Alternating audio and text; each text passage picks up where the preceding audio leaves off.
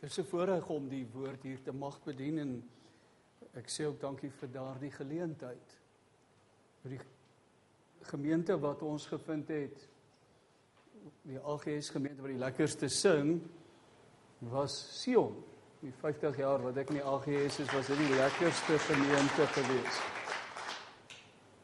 En die positiewe is COVID-19 se pandemie sal een of ander tyd verbygaan. En dan sal ons weer lekker kan saam sing. Maar tussen is dit lekker om tussen broers en susters te wees nie waar nie.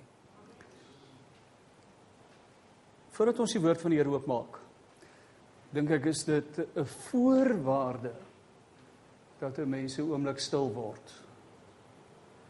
Dat 'n mens sê, Here, ek kan die Bybel lees. Ek as ek Afrikaans kan lees, dan kan ek die Bybel lees. Maar kan nie van U hoor nie. As U nie self aan die woord kom nie. Kom ons word 'n oomblik stil. Vader, ons kan hierdie boek lees en bestudeer en met mekaar bespreek. Ons kan selfs boeke oor hierdie boek skryf. En niks gebeur nie. En dan op 'n dag dan gebeur die skepingswerk as ware Die Here sê iets en dit gebeur. Lig en duisternis skei. Land en see trek van mekaar af weg. Voëls in die lug en diere op die aarde en visse in die see begin lewe en die mens lewe wat ons nodig het vanmôre weer Here is dat u sal praat, dat u u woord vir ons sal gee wat ons lewe verander, wat verander hoe ons dink, wat verander hoe ons optree, wat ou gewoontes wat ons met ons saamdra soms vir dekades breek en ons anders laat klink en lyk. Kom praat ook vanmôre met u gemeente bid ons in Jesus se naam. Amen. Nou soos almal van ons dink ek het ek ook die tyd van inperking 'n paar keer gedink wat sê die Here dalk vir ons? Wat is die boodskap aan die kerk in hierdie tyd? Oornag letterlik, oornag 'n virus toegeslaan en die nuwe normaal is uiters abnormaal. Ons sit by ons huise in baie gevalle nog steeds in werk. Ons mag nie werk toe gaan nie. Jy weet moeilikheid as jy by die werk aankom. Daar's baie van ons wie se families deur die dood geraak is. Die bekommernis dat 'n mens as jy inkopie gaan doen dat jy hierdie virus kan optel. Mense wat nie eers enige simptome het nie, met wie jy in kontak kan kom en wat jou kan aansteek. Nou natuurlik daar's baie baie mense wat finansiëel baie swaar begin trek het as gevolg van hierdie virus. Klomp uitdagings, maar mettertyd het het 'n klomp vrae by my opgekom. Dink is dis belangrike vra maar wat 'n mens selde vra terwyl dit waarskynlik die belangrikste vraag is wat enige mens vir jouself kan antwoord. Jy sien as dit goed gaan, is dit nie so nie dat dat 'n mens dink aan die goed gaan. Dat jou beplanning gerig is op môre en wat kan gebeur en hoe jy kan bydra dat dit selfs beter gebeur. Hierdie pandemie het letterlik die vensters en die deure van ons huis toegemaak. En ons moes onsself in die oë kyk. Een van die eerste vrae wat ek dink hierdie pandemie dalk wil stel is wat glo ons? Wat glo ons? Het ons as kerk dalk die evangelie verskraal deur te konsentreer op dit wat ek hier nodig het. Daar's klomp goed wat ek vir myself kan doen. Maar jy weet daar's 'n klomp dinge wat ek nie kan doen nie. ek het die Here daarvoor nodig. En die kerk moet tog saam met my in die Here staan en op hom vertrou dat hy dit vir my sal doen en sal gee. Het ons nog onthou dat daar eintlik 'n beter werklikheid vir ons wag?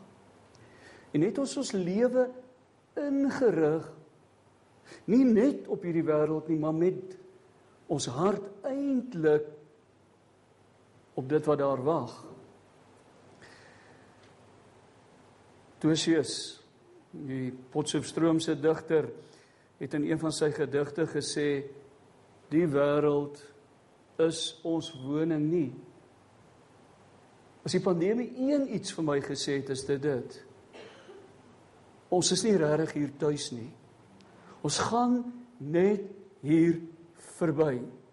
En ek was opgewonde toe ek terugkom in die kerk vir die eerste keer en dis Rinus die tema wat hy gehad het ook verlede week en hy verduidelik een van die goed wat hy gesê het is hoop het nie te doen met met dit wat ek nou maar hoop sal gebeur ek weet dis nie vreeslik waarskynlik nie maar ag ek hoop tog maar dit gebeur nee die hoop in die kerk het hy gesê is daardie absolute sekerheid dat wat ons verwag gaan gebeur.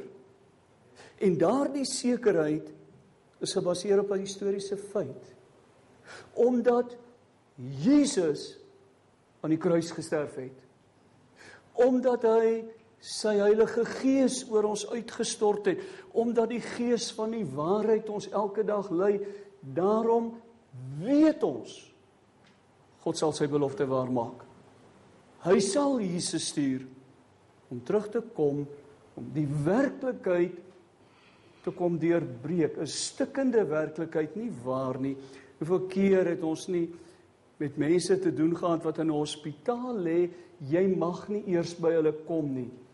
Ek het 'n kollega wie se ma 3 en 'n half weke daar lê. Hy mag haar nie sien nie. Hy mag nie na haar lyk kyk nie. Hulle het haar gaan begrawe waar sy in plastiek toegedraai is haar kus.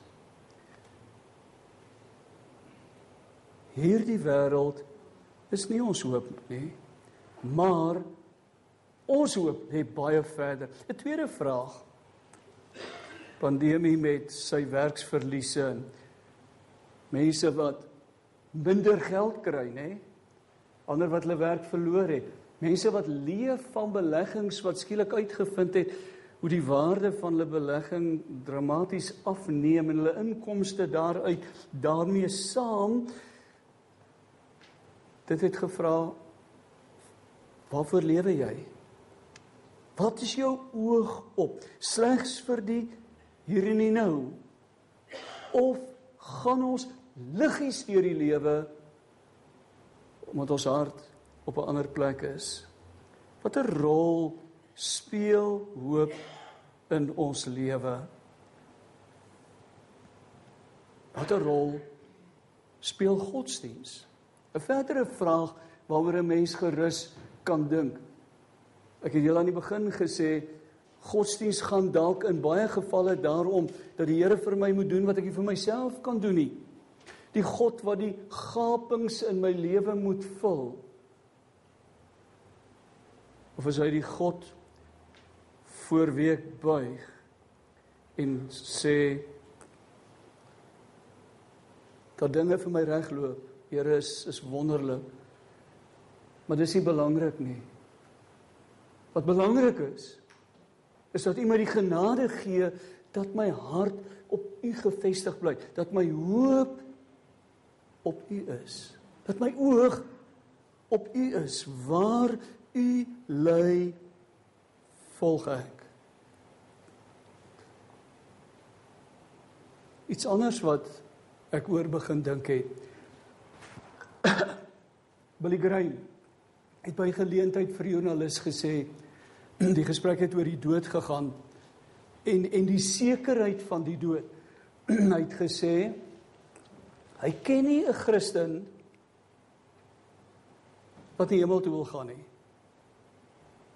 Maar hy het selde nog 'n Christen ontmoet wat bereid is om dood te gaan om daar te kom.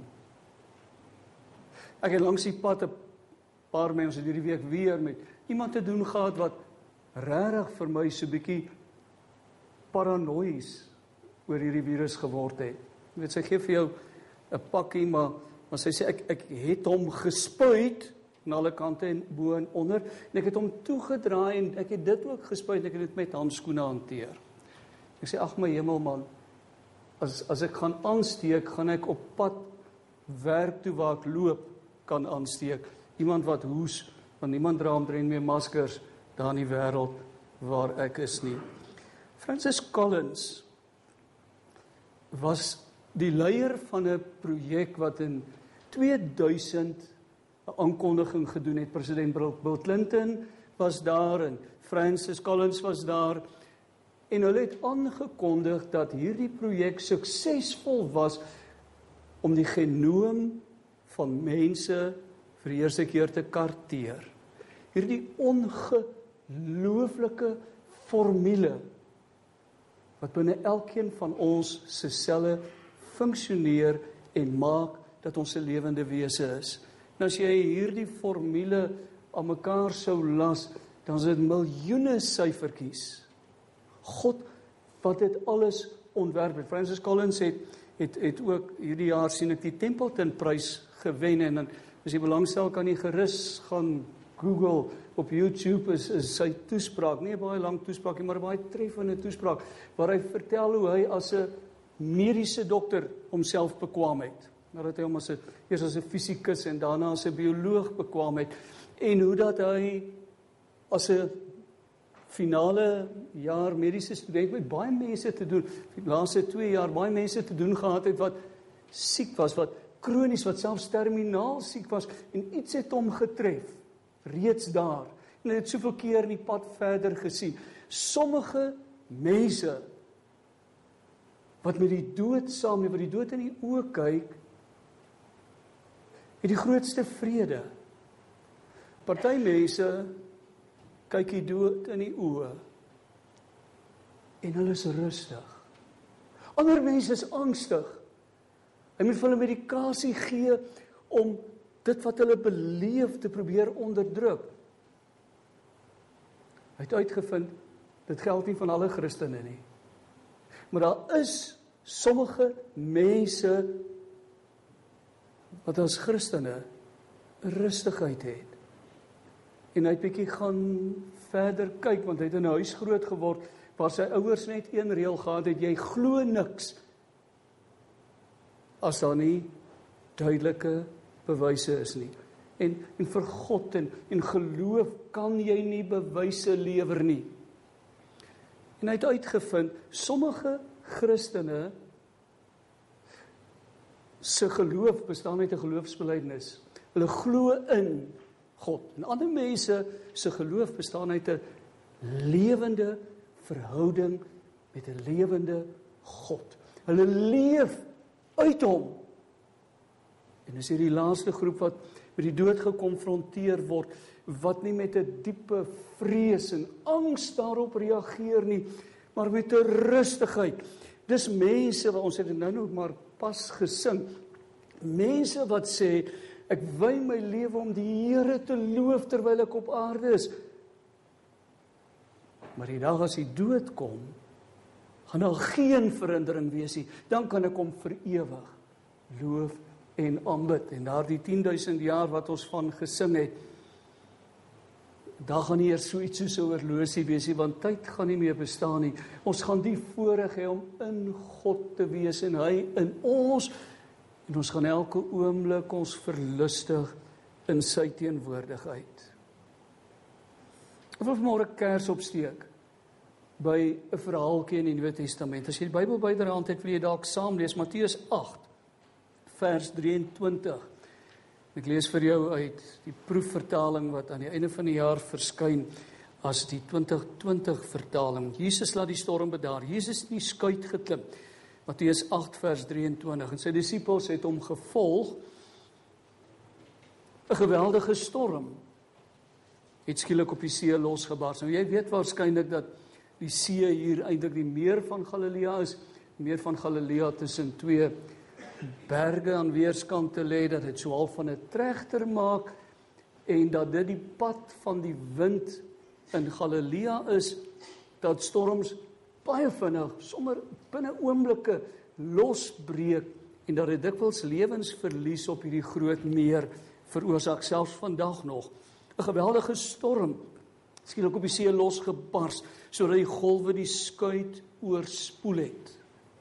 Dink jy vir 'n oomblik in groot visserskuit jy kan nie vinnig beweeg nie Jy moet met 'n seil beweeg want jy help nie jy roei in so 'n storm nie. En hierdie wind is so groot, die golwe is so groot dat dit binne in jou boot begin slaan. Maar Jesus het geslaap. Hulle het hom gaan wakker maak en uitgeroep: "Here, red ons. Ons vergaan." Maar hy het vir hulle gesê: Hoekom is julle bang? Ek wil amper sê wat 'n dom vraag. Here, kan jy nie sien wat besig is om te gebeur nie? Hoekom is julle bang? Hier's die motivering vir die vraag klein gelowiges. Waar is julle geloof wanneer die storm kom? Toe staan hy op. Bestraf die wind en die see. En alles het baie kalm geword. Mense was verwonderd en het gesê: "Watter soort mens is dit die dat selfs die wind en die see hom gehoorsaam?" Ek dink jy jy sien die verband met wat ons tans beleef, die storm waarin ons ons bevind. Vir party het die bootjie gesink. Ander het dit gelyk of hy gaan sink die die invloed van die laaste klompie maande op op ons finansiële verdienste. Besighede wat toegemaak het wat nog steeds besig is om toe te maak. En nou daarmee saam die, die werklikheid van plaasmoorde. In die hartseer dat plaasmoorde die afgelope 2 weke verpolitiseer geraak het met allerlei assosiasies daarmee saam. Um, en en baie van ons het begin wonder do I work at home or do I live at work? Ons het nie mooi ons identiteit meer kon vind nie. Ook as gelowiges het dit vir ons 'n storm ingehou. Ons is nie uitgesluit dat reuse golwe soms ook oor ons bootjie slaan nie. Geloof veroorsaak nie dat ons daarvan bewaar word nie. Lukas 8 vers 23 wat ook hierdie verhaaltjie weer gee, sê 'n ewige storm het losgebars wat hulle wou laat ondergaan. Hulle was in lewensgevaar. Hulle lewe is bedreig deur hierdie storm en Jesus is in die boot. Is dit nie wonderlik nie? Maar hy slaap. Hy help nie. Ook het jy die afgelope 6 maande gewonder Waar is die Here as ek hom die nodigste het? Het gewonder is dit nie tyd dat jy hom moet wakker maak nie. Wat wil jy hom vra? As jy hom wakker gemaak het, wat gaan jy hom vra, Here? Gryp in. Verander my omstandighede. Ek gaan dit nie maak nie. Here, help. Hoor dan wat Jesus sê. Is julle geloof so klein? Geloof, dink ek. Sê Here, die Here het vir my 'n swak stem gegee om vir my te sê moenie preek tot almal slaap nie. Hou op net sodra die helfte aan die slaap geraak het. Here, geloof, help my om te sê, Here, ek kyk met nuwe oë na my omstandighede. Ek is slegs hier op aarde nie sodat dinge vir my regloop nie. Dit is lekker as dit gebeur, maar ek is hier om opleiding te kry. Nou die van julle wat studente was of uh vakleerlingskap gedoen het, weet dis nou nie. Dis 'n lekker tyd, maar maar daar's baie druk op jou want as student word daar sekere eise aan jou gestel. Daar's toetse wat jy moet slaag. Werkopdragte wat jy moet voltooi. Daar's take wat gedoen moet word, daar's eksamens wat ek wels afgelê moet word. Ek is hier om voor te berei vir 'n lewe wat wag. Die werklikheid wat wag is soveel meer en groter en tyd bestaan nie daar nie. Wat ek hier beleef is die manier wat die Here my voorberei vir wat daar wag, die opleiding wat ek hier kry sodat ek kwalifiseer. Here, U is besig met my. Hierdie besig wees met my hou soms in dat ek lyding beleef. Swaar kry. Dat die dood my dalk bedreig. Maar die oomblik wat ek raak sien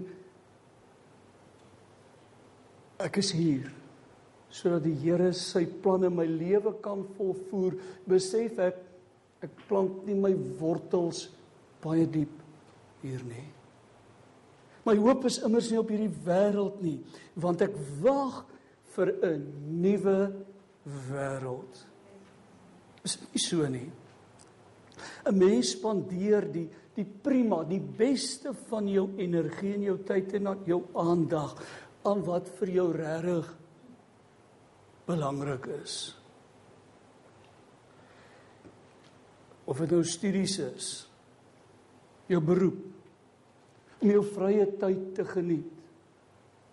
Om rugby as 'n toeskouer te volg en jou stem eers te skree en dalk nog 'n hartaanval langs die pad ook te kry oor party spanne so pateties speel.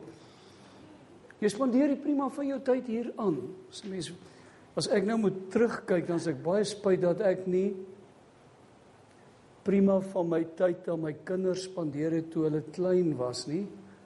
En toe het ek beroep gebou en ek was besig. Was nie nog tyd vir kinders op nie. En nou kyk ek terug en ek besef my invloed op hulle is grootendeels verby.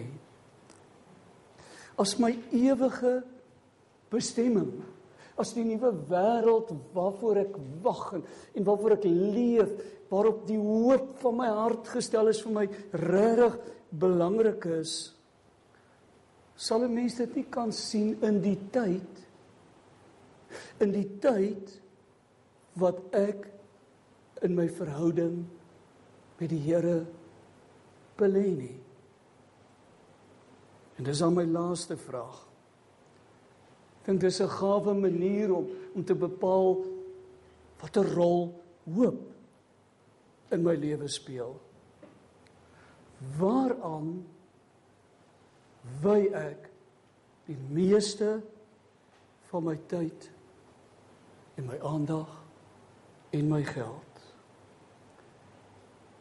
Ek het vanmôre gevra as ek mag. Waarop is jou hoop gestel? Terwyl jy hier leef. Of verlewe jy? Waarvoor kom jy ook kerk toe en en bid jy? Kom ons raak 'n oomblik stil.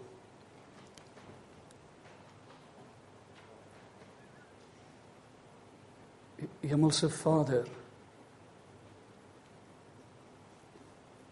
Baie dankie dat U met elkeen van ons se verhouding het. Daarom hoef ek nou nie vermoere vir namens ander mense te bid nie.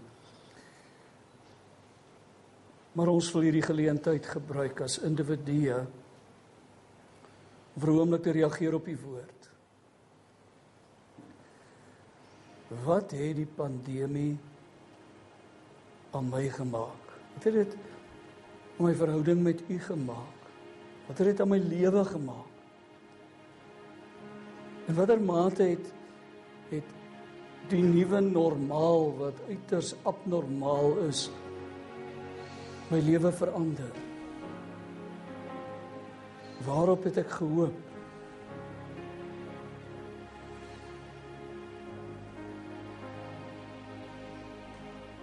Here rondom ons is daar baie mense wat